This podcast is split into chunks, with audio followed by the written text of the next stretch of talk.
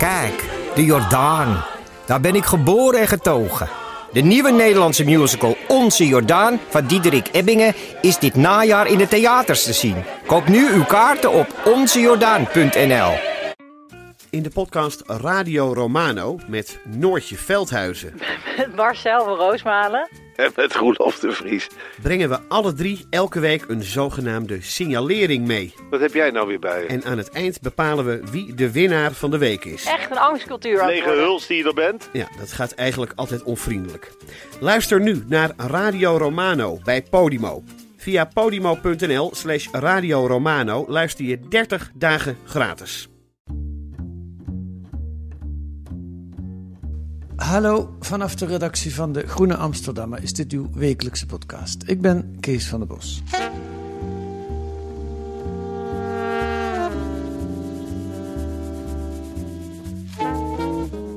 Waarom zijn de Nederlandse soldaten nooit vervolgd voor oorlogsmisdaden in Nederlands-Indië, het huidige Indonesië? Oorlogsmisdaden die werden gepleegd tussen 1945 en 1950, na het einde van de Tweede Wereldoorlog dus. Wie wist er ervan en wat deden ze allemaal om het in de doofpot te stoppen? Daarover verschijnt deze week een uitgebreid, of is verschenen deze week, een uitgebreid onderzoek van Maurice Swirk. De Indische doofpot is de titel van het boek. Met daarin de meest onwaarschijnlijke verhalen over ons onverwerkte verleden. Rapporten die mee naar huis genomen werden, klokkenluiders die vervolgd worden. En zelfs op enig moment een voorstel van de CIA, de Amerikaanse inlichtingendienst, om de Groene Amsterdammer op te kopen en er een fatsoenlijke hoofdredacteur aan te stellen. Dat verhaal vindt u deze week in De Groene. En Maurice Zwierik zit hier om daarover te vertellen. Welkom, Maurice. Dankjewel, Kees. Geen woord gelogen in deze inleiding. Geen woord gelogen, alleen het enige punt over de CIA. Ja. Dat klopt, dat is, maar dat is, in mijn boek verwijs ik naar een, een, eerdere publicatie van Dick Engelen, van Ja. Engelen Ja. die dat heeft opgeschreven over de CIA. Wat er nieuw is, dus daarvoor, dat, maar dat was in de, nog niet echt in de publieke openbaarheid gekomen. Ik wist het niet in elk geval. Nee, als, als je hier bij de Groene zelf het niet weet, dan zegt het wel iets, denk ik. Eh, waar ik eh, op ben gestuurd, is het verhaal dat er een, een koepoging eh, is geweest vanuit de Nederlandse BVD. Ja, Of ja. een koepoging, in ieder geval een, eh, iets wat daar heel erg op lijkt. Ja, ja, de groene redacteuren mochten zich in grote belangstelling van de Binnenlandse Veiligheid, ja toen nog de inlichtingendienst Ja. geheten, verheugen. Ehm, laten we eerst, want er zijn heel veel verhalen in jouw boek en we moeten kiezen eh, in dit half uur. Ik wil eerst het verhaal over de groene vertellen. En dan wil ik beginnen met eh, een publicatie van een brief in de groene, eh, van een eh, nou, het was een anonieme brief. Het was, nou kan wel zeggen, het was officier Koos want dat wordt later ook bekend. Maar toen de brief verscheen, was die anoniem. En ik wil een aantal citaten uit die brief laten horen. Aan republikeinse zijde zijn heel wat meer slachtoffers gevallen. Dit vindt voor een deel zijn oorzaak hierin dat een deel van de troepen opdracht heeft zo weinig mogelijk gebruik te maken van de vuurwapenen en, natuurlijk officieus, om geen gevangenen te maken. Ik heb er persoonlijk bij gestaan dat een van onze hoofdofficieren, die vermoedelijk de Willemsorde zal krijgen voor de bezetting van Jokja, zich tegenover generaal Spoor lachend op beroemde dat een van onze groepen een troep van 200 slapende TNI'ers had aangetroffen die met de bajonet aan de balé-balé werden geprikt.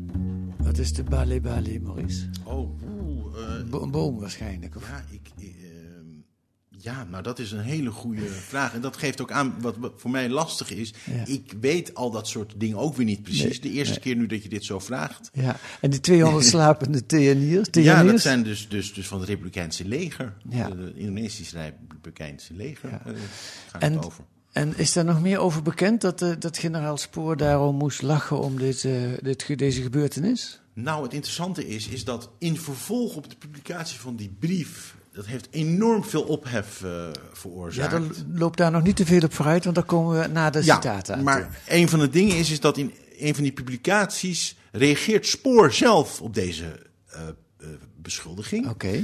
En die gaat dus onder andere ook, ja, het is ook interessant, dan zie je dus waar de kracht is van de groene, zo'n klein blad relatief, gaat ook echt ook in op die onthulling in die brief, eh, dat hij lachend kennis zou hebben genomen eh, van, van, van, van, van deze moordpartij. En dan, hij ontkent niet dat zo'n gesprek met de militair heeft plaatsgevonden, maar hij stelt slechts dat de aanvalsgeest van dit bataljon tijdens een gesprek met een andere militair eh, eh, als prachtig werd gekwalificeerd. Eh, en overigens is het verhaal van de 200 slapende TNI'ers die aan de Bale werd geprikt op zichzelf reeds zo absurd dat dit geen nader commentaar behoeft, zegt Spoor. En het interessante is, dat is geen ontkenning als je vanuit juridisch oogpunt, als je goed leest, uh, dit is, het is te absurd. Dat doet ja. natuurlijk uh, hoogpieven vaker. Die zeggen, nou, het is te absurd. Maar, even, maar hij, hij, zegt niet, het is niet waar. Nee. Dus juridisch kan hij daar niet op vastgepind worden dan. Zou, zeg ik met, me, uh, met een kritische juridische blik ook wel. Het was een spraakmakende brief in De Groene. En een van de dingen, dat blijkt ook uit het vorige citaat... is dat die meneer Zweres die deze brief schreef geen linksradicaal was, zal ik maar zeggen. Dat was een officier in het, Nederlandse leger. Die had zichzelf vrijwillig aangemeld om daar te vechten. En dat was ook een voorstander van de koloniale politiek. Dat schrijft je ook in de brief. Maar dan komt hij met een aantal voorbeelden. Een ander voorbeeld. Een carrier loopt op een mijn, waarbij een der officieren, een aardige jongen die ik kende, wordt gedood. Onmiddellijk trekt men hierop af en de mannen van drie kampongs worden bij elkaar gezet en hun wordt meegedeeld dat, als ze niet binnen een half uur zeggen wie de mijn heeft gelegd, hun kampongs zullen worden platgebrand. Misschien weten de stumpers het niet, in elk geval zwijgen ze. Maar omdat de Nederlandse officier die hier het commando voert nu eenmaal erg humaan is, worden de drie kampongs maar half afgebrand. Wie durft er nog te lachen om Furide, die zegt dat hij Putten eigenlijk heeft gespaard? En die laatste, er staat tussen uh, haakjes, dat is een hele pijnlijke zin, hè Maurice? Ja, er wordt uh, verwezen naar de, de, de, de, de, de, de moord, de, ja, de beruchte moord in, in Putten tijdens Ja. de Tweede Wereldoorlog. Wat was dat Door ook nazi's. Ja? Ja, daar, daar, dat was een- als represaille op een aanslag, eh, moordaanslag op, op een eh, hoge eh, eh, pief aan de nazi-kant, eh, zijn de mannen eh, verzameld uit het Ja. dorp Putten en eh, afgevoerd en vermoord. Ja. En hier vergelijkt hij dus het Nederlandse optreden met het nazi-optreden. Ja, hij vergelijkt dat. Ehm, en dat is heel pijnlijk, uiteraard. Ja. Zo kort na de Tweede Wereldoorlog ook. Maar het fascinerende, dat is dus dat, dat is een van de redenen natuurlijk waarom die brief zo explosief is. En wat hij Ja. doet dat in meerdere, meerdere plekken. Ja. La- laten we even naar zijn conclusie, tenminste min of meer Ja. zijn conclusie luisteren. Het laatste citaat. Zelfs het prachtigste eindresultaat zal alle onrecht dat hier geschiet niet kunnen goedmaken. Tot in de lengte van de dagen zal de medeverantwoordelijkheid op mij blijven rusten. Zal ik mede de schuld dragen voor wat hier gebeurde. Zal ik de beginregel in mijn hoofd horen hameren van misschien het prachtigste sonnet dat in onze taal werd geschreven. Revius, het en zijn de Joden niet, Heer Jezu, die u kruisten. Waar verwijst hij hier naar, Maurice? Nou, dat moet ik eventjes, dat is, dat is even, ik heb dat toen opgezocht wat het allemaal was, maar dat is niet mijn eh, specialisatie. Nee, dat Hoe dat ook alweer zit, maar dat is een, een, katholieke verwijzing Ja. eh, volgens mij. Maar Ja. Misschien weet jij dat beter. Nee, ik weet het Ik, ook niet. ik, ik, kan- ja, ik zou dat kunnen opzoeken. Ik Eh, ken de maar- reviews eerlijk gezegd niet, maar het, het lijkt mij wat er bijzonder pijnlijk is. In het vorige citaat was het de verwijzing naar de nazi's. In dit geval is het de vergelijking, of de verwijzing naar de kruisiging van Jezus. Het zijn niet de minste gebeurtenissen waarmee hij de misdaden in, in Ja. Indonesië Klopt, vergelijkt. hè? Klopt, ja. ja. Ik weet niet, maar als ik, ehm, ja, ik weet niet of je echt eh, naar de Holocaust eh, verwijst. Want hij heeft wel nog wat meer christelijke verwijzingen. Ja, dus ja. het is ook een beetje een christelijke thematiek in zijn brief. Die brief werd anoniem geplaatst in De Groene in 1949. Februari 49 was het, als ik het goed onthouden heb. Ja. Ehm, vertel, wat, wat heeft dat voor gevolgen gehad? Nou, het heeft als eerste tot gevolg gehad dat de andere media daarover gingen berichten. Eh, ja, wat is dit voor een brief? Heel negatief, eh, veel media. En hoe durft de Groene dit te publiceren? En ook, hè, dat wordt er gebeurd, en dan wordt er ook gesuggereerd... ja, wat vals om dat te publiceren zonder toestemming van de auteur. Hè, dus ook een beetje, een beetje porren. Zo, Ja, hè? Dat is ook nog, niet alleen is het een foute brief, maar ook op, op, op, op, weerzinwekkende wijze lekker effectbejag eh, regelen. En we moeten niet vergeten, de oorlog was nog in volle gang. Hè? Die Dat was in volle gang. Dus dan is dan de emoties nog het, ook, ook op zijn verst. Ja, Dus op- op- klopt. het- Oké. En dan komt er een soort verradersbrief in de groene. Zo wordt het door de Zo wordt het gezien en het wordt dus ook opgepikt eh, in politieke kringen. Het wordt direct ook opgepikt, eh, ook eh, in, in, in, in, eh, in, eh, in Nederlands-Indië, Mhm. overkant Indonesië. Ehm, en er wordt op, ook in het parlement wordt er op een bepaald moment vragen over gesteld aan de regering. Ja. Ehm, de brief was anoniem, maar ik lees in jouw boek dat op enig moment de hoofdredacteur van De Groene aan eh, minister-president Drees eh, een briefje stuurt van dit is de brief, die staat in De Groene. En dit is de man die hem geschreven heeft. Wilt u alstublieft zorgen dat hij geen represailles ondervindt? Dat is nu een doodzonde in de journalistiek, hè?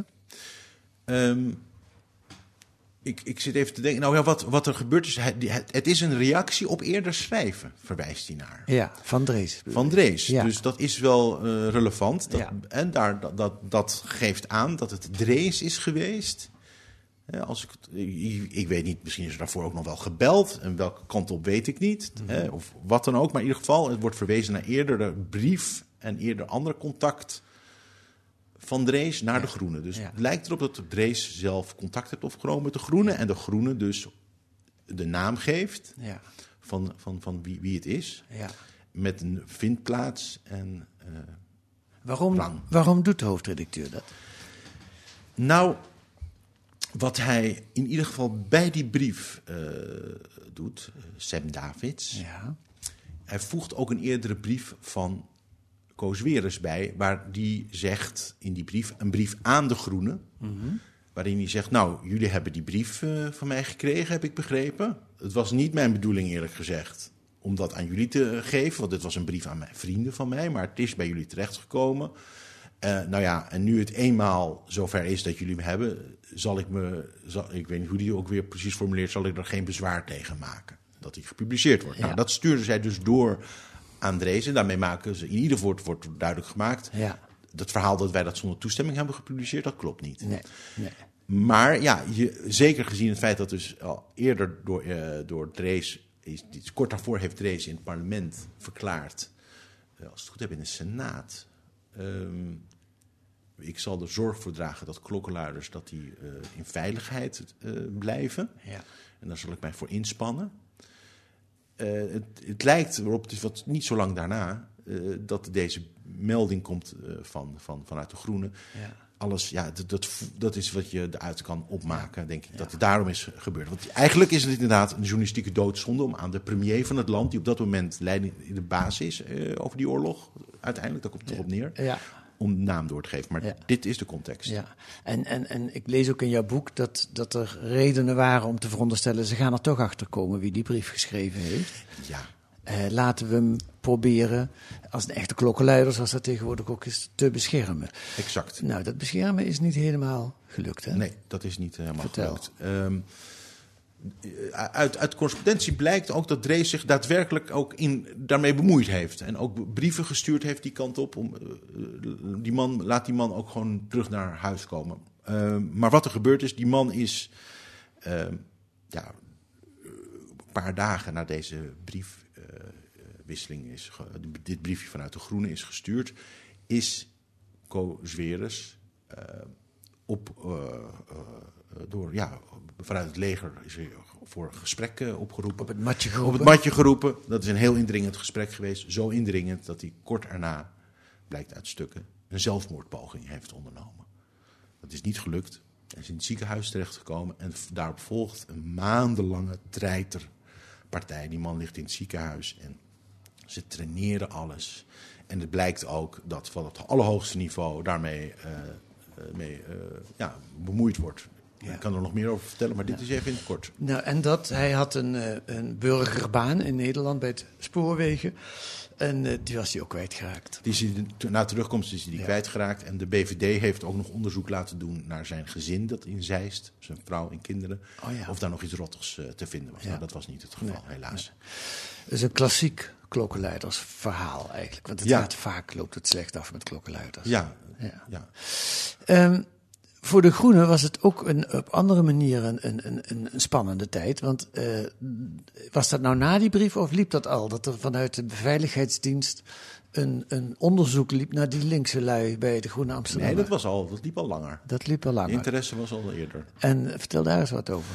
Nou ja, het interessante is, is dat ik bepaald tijdens mijn onderzoek eh, op het spoor kwam. Op het spoorpad klinkt alsof ik heel veel lang moest zoeken, maar dat viel eigenlijk wel mee. Maar bij het Nationaal Archief, het dossier van de BVD. Ik neem aan dat jij heel veel op het Nationaal Archief gezeten Heel hebt. veel, ja, Daar ben ik veel geweest. Ja, klopt. ja, klopt. En, en daar vond ik dus eh, het, het dossier van de, of van de BVD over de Groene Amsterdammer. En dat is een heel dun dossier, eigenlijk helemaal niet zo dik. Dus ja, dat moet natuurlijk veel dikker oorspronkelijk zijn. Maar dat is eh, buitengewoon geschoond. Maar zelfs die meest geschoonde versie is, ja, fascinerend. En ook een beetje verbijsterend ook wel, toch, durf ik te zeggen. Vertel, want Nou ja, daaruit blijkt allereerst. En het is verbijsterend. En dat, dat woordgebruiking, eigenlijk moet ik dat terugtrekken. Eigenlijk is het niet verbijsterend. Want dat is, dat is waar de BVD zich in die tijd onder andere mee bezig hield. Is Ja. Communisten en vermeende communisten goed in de gaten houden. Dus, dus ik trek dat eigenlijk helemaal terug. Nee, het is niet verbijsterend. Het is eigenlijk logisch. ja, maar nu als je met nu leest, dan denk je, wat gebeurde hier? Nou, een heel dossier waarin inderdaad... eh, En er zit een mol bij de redactie van de Groene Amsterdammer, waarschijnlijk, want ze- de BVD is op de hoogte van interne ruzies en van vergaderingen. Alles, ja. Tot de financiële eh, toestanden, alles. Maar inderdaad, de verhoudingen, de persoon- persoonlijke verhoudingen, wie wat vindt. Ja. Ja. ja, ja, En dat is allemaal nieuw, dat wisten we nog niet. En wat je er dan toevoegt uit een andere publicatie is dat de CIA op enig moment, die, die hebben daar waarschijnlijk contact over, eh, met elkaar, die zegt, moeten we dat blad niet opkopen? Dat is een beetje de Amerikaanse manier Ja. van eh, werken. Ja. En dan kunnen we een eigen hoofdredacteur aanstellen. Nou, de BVD heeft dus via eh, eerst dus ook echt een poging gewaagd om eh, het communistische karakter weg te halen. En hoe deed ze dat? Nou, door, te, door, door, door het te zeggen, het was het plan eh, om, om er eh, op een bepaald moment om een coöperatie te maken van de Groenen. Dat is inderdaad eh, ook gebeurd. Ja. Eh, en daar zijn allemaal verhalen waarom dat zou moeten gebeuren, werd naar buiten toe gebracht. Maar uit die stukken blijkt dat het eigenlijk een poging was om, ehm, om eh, de hoofdredactie buitenspel te zetten. Die communistisch Amgehaupt was. Ja, dus de, de, hoofdredacteur was eh, Sam David. Ja, en de, de eh, directeur-eigen, of niet de directeur, de eigenaar was de heer Dijkstra. En die Moest aan de kant gezet. Die moesten aan de kant gezet. Die waren allebei eh, affiniteit met het communisme. En dat was de bedoeling dat die zouden worden ja, weggemanoeuvreerd. Ja, even voor de duidelijkheid, het waren geen CPN'ers, het waren geen communisten. Nee, nou, het, het, ze, ze waren zeer. eh, voor het communistische gedachtegoed waren ze, waren ze zeer, stonden ze zeer positief tegenover. Ja. Maar de CPN Ja. eh, vonden ze niks. Nee, nee. Ehm, goed, en dan, dan eh, de, de- dat geeft dus aan wat er gebeurt. De, de, de, dat is eigenlijk een patroon wat nog. wat een paar keer herhaald is. Er zijn zulke verschrikkelijke dingen gebeurd in Nederlands-Indië. dat af en toe plopt het naar buiten. En dan wordt daarna weer door de politiek wordt erop gereageerd. Dan proberen we die deksel terug op de, op de doofpot eh, te krijgen. Want die brief van Zweres heeft uiteindelijk, ja, feitelijk geen eh, andere gevolgen. Ja, er is een hoop gebeurd, maar eh, wat, eh, wat heeft hij er meer voor gevolgen gehad? Nou, het heeft er mede toe geleid, die brief, dat er een eh, onderzoek is ingesteld. Ja, eind jaren 40, Ja. eind, eind, eind 1949, op de valreep vlak nog voor de soevereiniteitsoverdracht, Ja. is een commissie van drie juristen is gestuurd naar Nederlands-Indië. en dat was een direct gevolg? Was, Van de, Groene Amsterdammer publicatie heeft daar een hele belangrijke rol bij vervuld. Dat is Kees van Rij, Wim Stam. Ja. En wie was die derde ook weer? Giet, Giet, Meneer Groenings van Zoelen. meneer Groenings van Zoelen. Die gingen met z'n drieën, er waren ju- juristen van naam, hè? Niet, niet, eh, eh, geen kleine jongens. En die, werden, die kregen de opdracht om uit te gaan zoeken wat is er nou eigenlijk gebeurd. Eh, nou, dat is grappig, want daar wilde ik het ook uitgebreid met je over hebben. Want dat vind ik ook zo, ja, ook bijna hilarisch. Het is verschrikkelijk, maar het is ook bijna hilarisch hoe je ziet hoe dat, mee- hoe dat gaat. Nou, laten, laten we dat onderzoek eens even bespreken. Dus die drie gaan naar eh, eh, eh, Batavia, Ja. de hoofdstad. Die komen in een chic hotel te zitten. Een van de dingen die er gebeurt is dat ze met z'n drieën gelijk ruzie krijgen. Ja, vrij snel na aankomst is Ja. dat eh, gebeurd. Meneer Groenings van Zoelen kwam ook ietsje later. Ja, Die was nog wat dingen aan, ergens anders nog was hij mee bezig. Ja, en het bleek al vrij snel dat meneer Groenings van Zoelen... die vond eigenlijk het hele onderzoek niks. Nee. On- onzinnig. Die zei van, dat, hebben- dat moeten wij helemaal niet doen. Daar al die, al die rottigheid naar boven halen. Ja. En daar vond hij, eh, de heren van Rij en Stam, die waren wel, eh, daar, eh, die wilden echt onderzoek plegen. Ja. Die waren echt op gebrand om dat te doen. Ja. Dus er is ruzie uitgebroken en meneer Groenings van Zoelen heeft vervolgens eh, nog maar heel weinig eh, uitgespookt. Ja, dus we hebben Zo het- blijkt uit de stuk in ieder geval. Ja, dus dan hebben we het eigenlijk over het rapport van, van Rij en Stam. Dat is het geworden. En hij heeft zelf, meneer Groenings van Zoelen, heeft ook nog wel een klein rapportje zelf nog ingeleverd. Waarin hij zegt: er is, eh, het is allemaal prima zoals het is gegaan. Ja, daar is verder. De, ja, daar wordt, wat gebeurt er met het rapport van Van Rij en Stam? Het, het komt uit, als ik het goed zeg, in 1954. Ja, uiteindelijk komt dat in 1954 komt het uit. Daar Ja. hebben ze een keihard oordeel over, eh, over, over onder andere eh, de wandaden van eh, kapitein Westerling, Ja. Raymond Westerling, Op de Celebes. massamoorden, Ja. Celebes uit Celebes. Ja.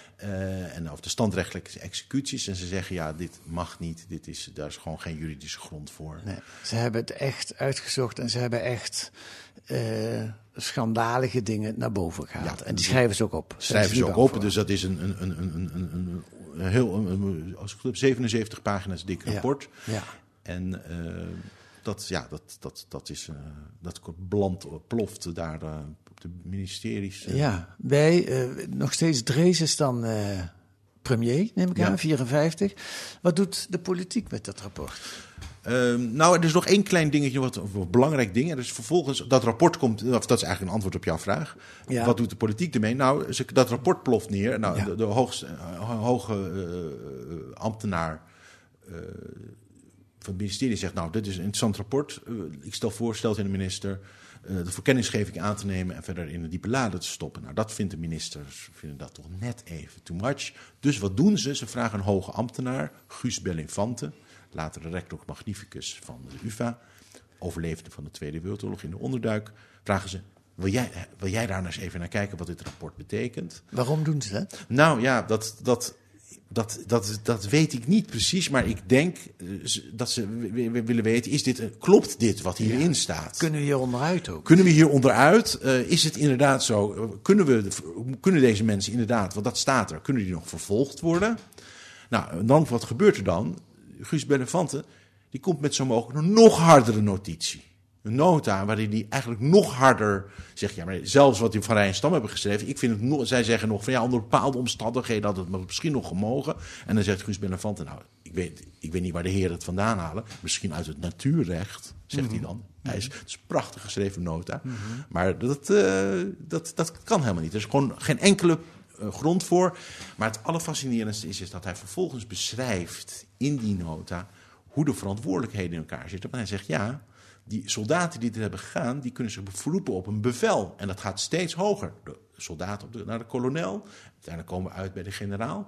En dan beschrijft hij in een, in, ja, dat is bijna poëtisch. Zegt hij, het komt steeds hoger en de sneeuwbal rolt dan verder. En dan zegt hij, uiteindelijk komen we uit bij het allerhoogste civiele gezag. En dan voel je, als je dat leest, dit gaat over het hoogste civiele gezag in Batavia. Maar ook, ja, het staat er niet letterlijk, maar je, het gaat erover, het is onontkoombaar zou ik zeggen, ook de heren in Den Haag. Dat rapport vervolgens is, eh, is, is, is, is niet allemaal eh, volledig gedeeld volgens mij met alle ministers. Maar er is wel gesproken over de vraag: is vervolging van Westerling en zijn navolgers mogelijk in een kabinetsvergadering? En er wordt eh, ook wel verwezen naar dat rapport. En er wordt gezegd: we gaan niet vervolgen. Het rapport is vervolgens in een diepe lade verdwenen. Waarop baseren ze? Want eigenlijk zijn alle signalen staan eh, richting vervolgen. Het kan niet. De Bellenfante zegt het is.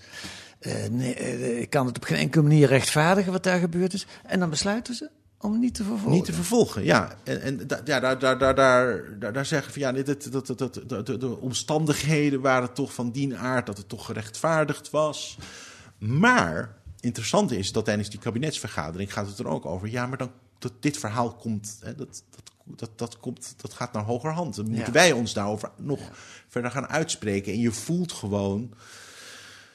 Ja, dat, dat gewoon. dus daar zitten nou Drees en Beel zitten daar aan tafel. Ja, die, wat er staat ook van ja, oh, dat is wat, wat in die- dat is belangrijk. Wat, wat, wat er gezegd wordt door Benefante. Ook in de hoogste civiele autoriteiten zullen dan wellicht niet juridisch aangeklaagd kunnen worden, maar hun rol zal wel volledig in de publieke openbaarheid komen. Parafrasering. En dan is Bill. En Drees, dat zijn de hoofdverantwoordelijken gewoon Ja. eh, van het politieke oogpunt. Dus ja, ik, je, je ziet dan alles. En wat daarna gebeurt in de latere jaren bevestigt dat eigenlijk ook wel. Dit was ook gewoon ordinair eigenbelang. Ja, ja. Dus eh, ja, ze ze zeggen het niet openlijk zo, maar dat advies van Bellefante, uiteindelijk komen ze dan ook bij jullie terecht. Dat kan juist een trigger geweest zijn om te zeggen: oh, maar dan moeten we misschien die Westerling zelf ook maar met rust Ja. laten. Ja, dus je kan bij, je zou ook, kijk, het is, een, het is een fantastische nota. Je kan ook zeggen, Benefante heeft een waarschuwing geuit. Dus je kan het op allerlei manieren uiten, Ja, ja. eh, interpreteren. Ja. Goed, de misdaden verdwijnen weer in een diepe la, eh, verdwijnen ook uit de publiciteit. Tot eh 69, dan is er een eh, uitzending van Achter het Nieuws. De vorige keer dat je in de podcast zat, eh, dat was twee jaar geleden, tweeënhalf jaar geleden. Eh, toen ook over Indonesië, of over eh, Nederlands-Indië. En toen over de verjaringswet. Nu ook weer een heel hoofdstuk in je boek. Eh, nou, dat is misschien nog wel grappig om dat te zeggen, want dat artikel heb je toen geschreven op verzoek van Xandra Schutte. Die, Ja, nou, het is, het is zo gegaan dat ik... eh, ik heb eerst een aantal voorgesprekken gehad met Margreet Vochtelo Ja. hierover. Ja. Eh, dus daar is de, de gedachtevorming eh, begonnen. Hè. Die, die, die benadert mij, die had er ook al met Xandra over ge- gesproken. dat dit een interessant onderwerp was. Eh, Abraham de Zwaan had een essay gehad in de Abraham Groene. de Zwaan had een essay geschreven. afvroeg waarom worden die mensen niet Waarom vervolgd. niet, nou, hij, suggereert er moet gewoon vervolging plaatsvinden zonder Ja. oplegging van straf. Dus Ja. dat was de aanleiding om te zeggen, nou hoe zit dat nou eigenlijk? En toen heeft, eh, uiteindelijk heb ik dus eh, van, van, van Xandra de, de formele opdracht gekregen van nou ga hier een verhaal over schrijven met de vraag waarom zijn die misdaden nooit Ja. vervolgd? En daarom ligt er nu dit kloeke boek voor jou op het bureau. Nou ja, absoluut. Dat is, dat is het begin geweest van die twee artikelen toen. En, maar toen ik daarmee bezig was, ik heb toen daar best wel lang onderzoek naar gedaan. Want ik had ook echt wel genoeg eh, ja, geld gekregen om de tijd toen al voor de Groenen er onderzoek naar te doen. Want ik heb in 2017 is het, is de opdracht gegeven en pas in 2019 eh, is het verschenen. Ja. Niet dat ik alleen maar daarmee bezig ben geweest, maar het heeft echt, ik heb er echt flink ben ik daarin gedoken. Maar toen dacht ik al, ja, maar dit is meer dan een artikel. En ik vond onderweg zoveel bizarre dingen. Dacht Ja. ik, ja, dat moet ik, dat, daar, daar zit een boek in. Ja, en dat boek moest ook, laten we het daar ook even over hebben, dat moest ook deze week wel eens een beetje uitkomen. Want het is nu de tijd waarin het ene na het andere gebeurtenis over Nederlands-Indië. Volgende week is er een grote opening van een tentoonstelling in eh, het Rijksmuseum, Revolutie. We hebben dat boek en de podcast van David van Rijbroek gehad, Revolutie. We hebben een paar jaar geleden de studie van Remy Limpach gehad. Eh, hoe heet het ook weer? De brandende kampongs van generaal Spoor. Dat was eigenlijk ook een echte breekijzer, hè? Hoe, de- hoe hij opschreef eh, wat er allemaal mis is gegaan. Ja, dat was een breekijzer. Maar daaraan voorafgaand heb je eh, Jeffrey Pondaag en Lisbeth Zegveld. Die Ja. hebben rechtszaken aangespannen. Ja. En die hebben ervoor gezorgd dat het onderwerp op de politieke agenda is gekomen. Ja. En toen vervolgens is het proefschrift van eh Remy. Limpach eh, gekomen. En die heeft er het onontkoombaar gemaakt Ja. dat, eh, dat het onderzoek onder andere door het NIOT is ingezet. Ja, en dat is het wetenschappelijke onderzoek in opdracht van de regering. Betaald, betaald door de regering Ja. in ieder geval. En dat komt over anderhalve week Ja. uit. Ehm, wat verwacht jij daar eigenlijk van? Staat daar, gaat daar, is dat een, eh, staat daar alles in?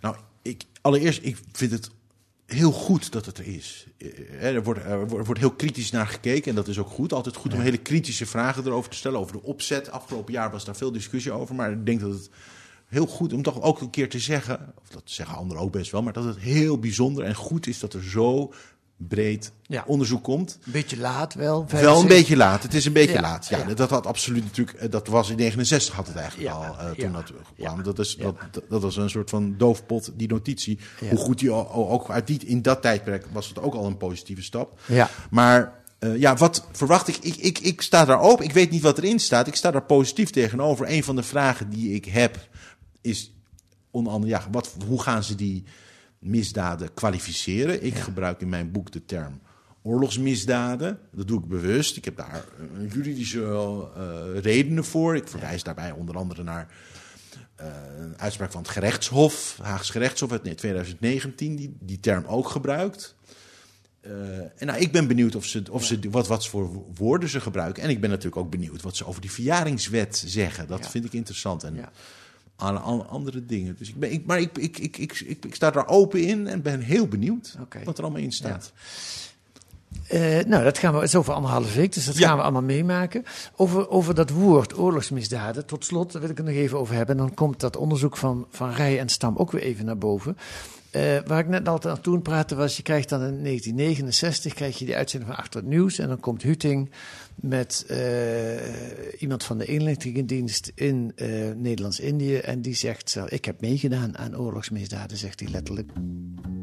Ik heb in Indonesië destijds 2,5 jaar gezeten als militair bij de infanterie. Onder andere bij de inlichtingendienst.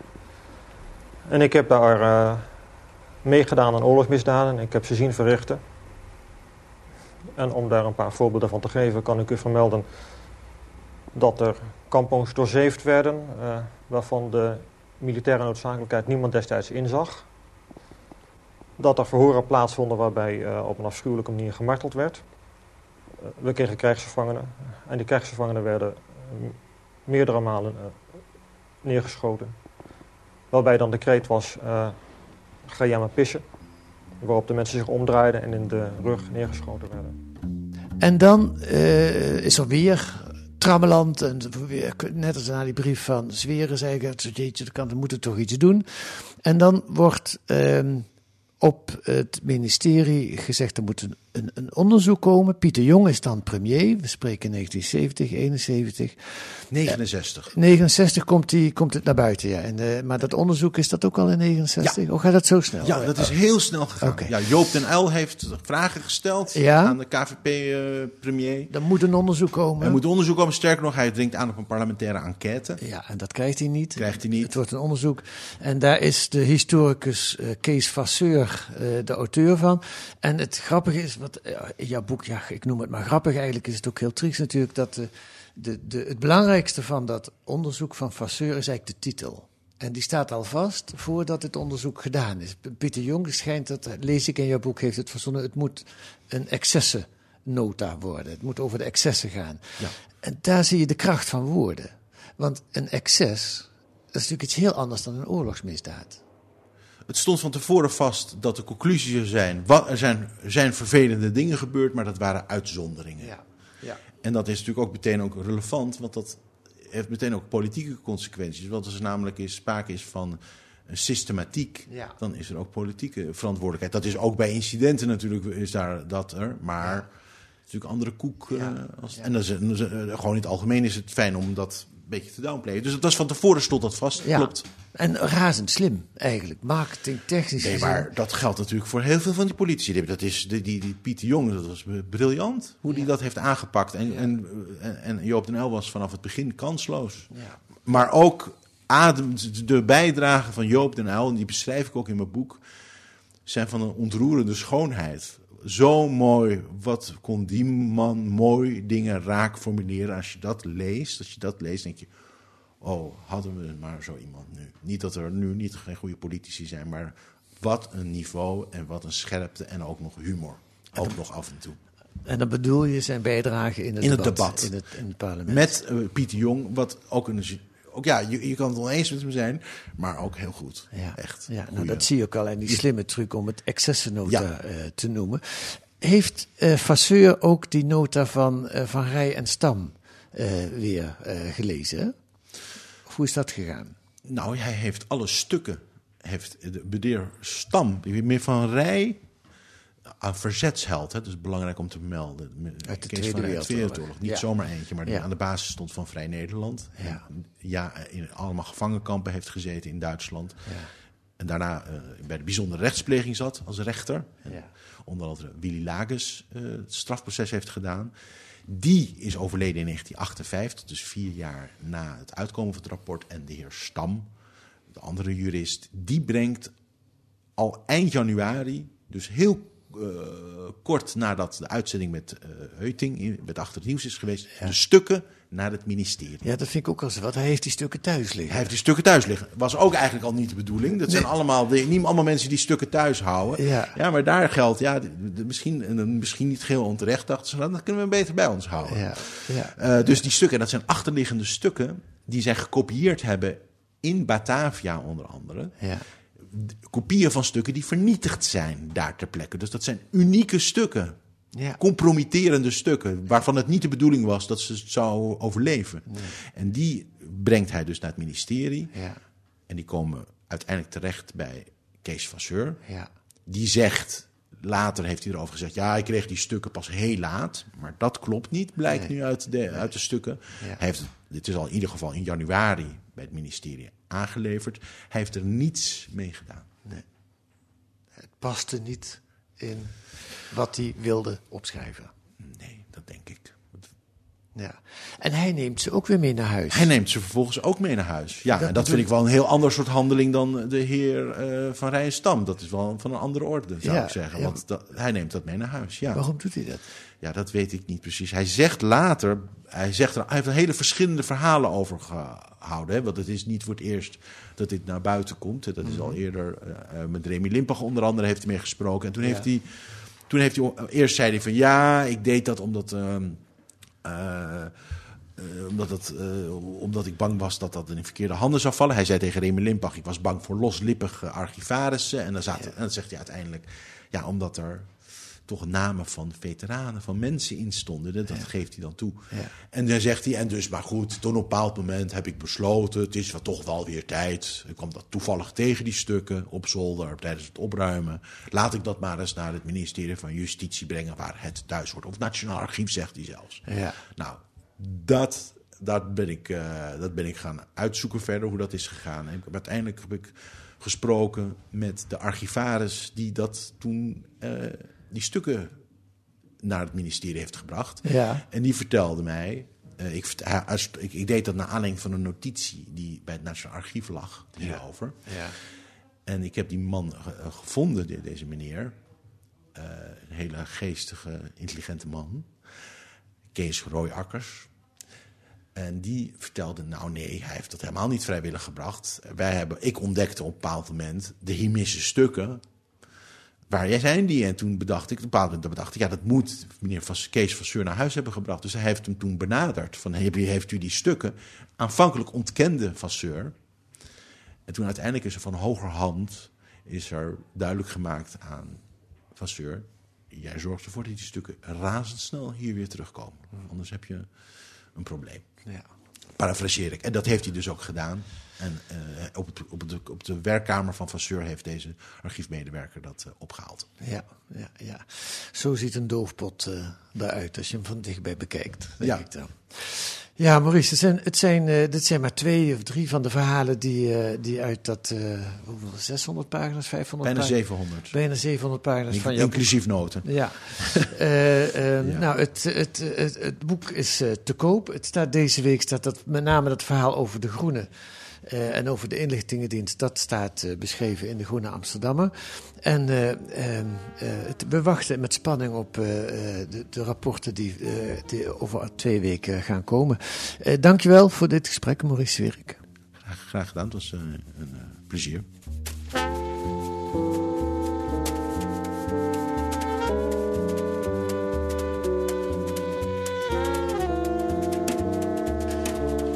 Lees dat deze week in De Groene. Wat kunt u nog meer lezen? Een onderzoek naar het verdwijnen van de huisarts. Vooral in de regio moeten patiënten het doen met maar één of twee dagen spreekuur. En met eh, voor de rest videoarts op afstand. Nu zijn er wel commerciële partijen die springen in op dat tekort aan huisartsen. Maar ze kunnen de belofte niet waarmaken. Zo blijkt uit het onderzoek. En wat nog meer daarnaast een coververhaal, een profiel van Irish Murdoch, de schrijfster die nu vooral wordt herontdekt als filosoof met haar concept van de radicale empathie. Dat kunt u lezen met een abonnement of een proefabonnement. Ga dan naar groene.nl, 10 weken de groene voor 15 euro. Wilt u reageren op deze podcast, dan kan dat ook met een mail naar podcast.groene.nl. En u kunt ons ook sterren geven in uw podcast-app of een korte recensie. Dan krijgen we nog meer luisteraars. Volgende week zijn we er weer met analyses en achtergronden bij het nieuws in deze podcast van de Groene Amsterdammer. Die deze week werd gemaakt door Jitka Marks. En u hoort haar stem ook de citaten lezen. En Kees van der Bos. En de muziek is zoals altijd A Tune for N van Paul van Kemenade.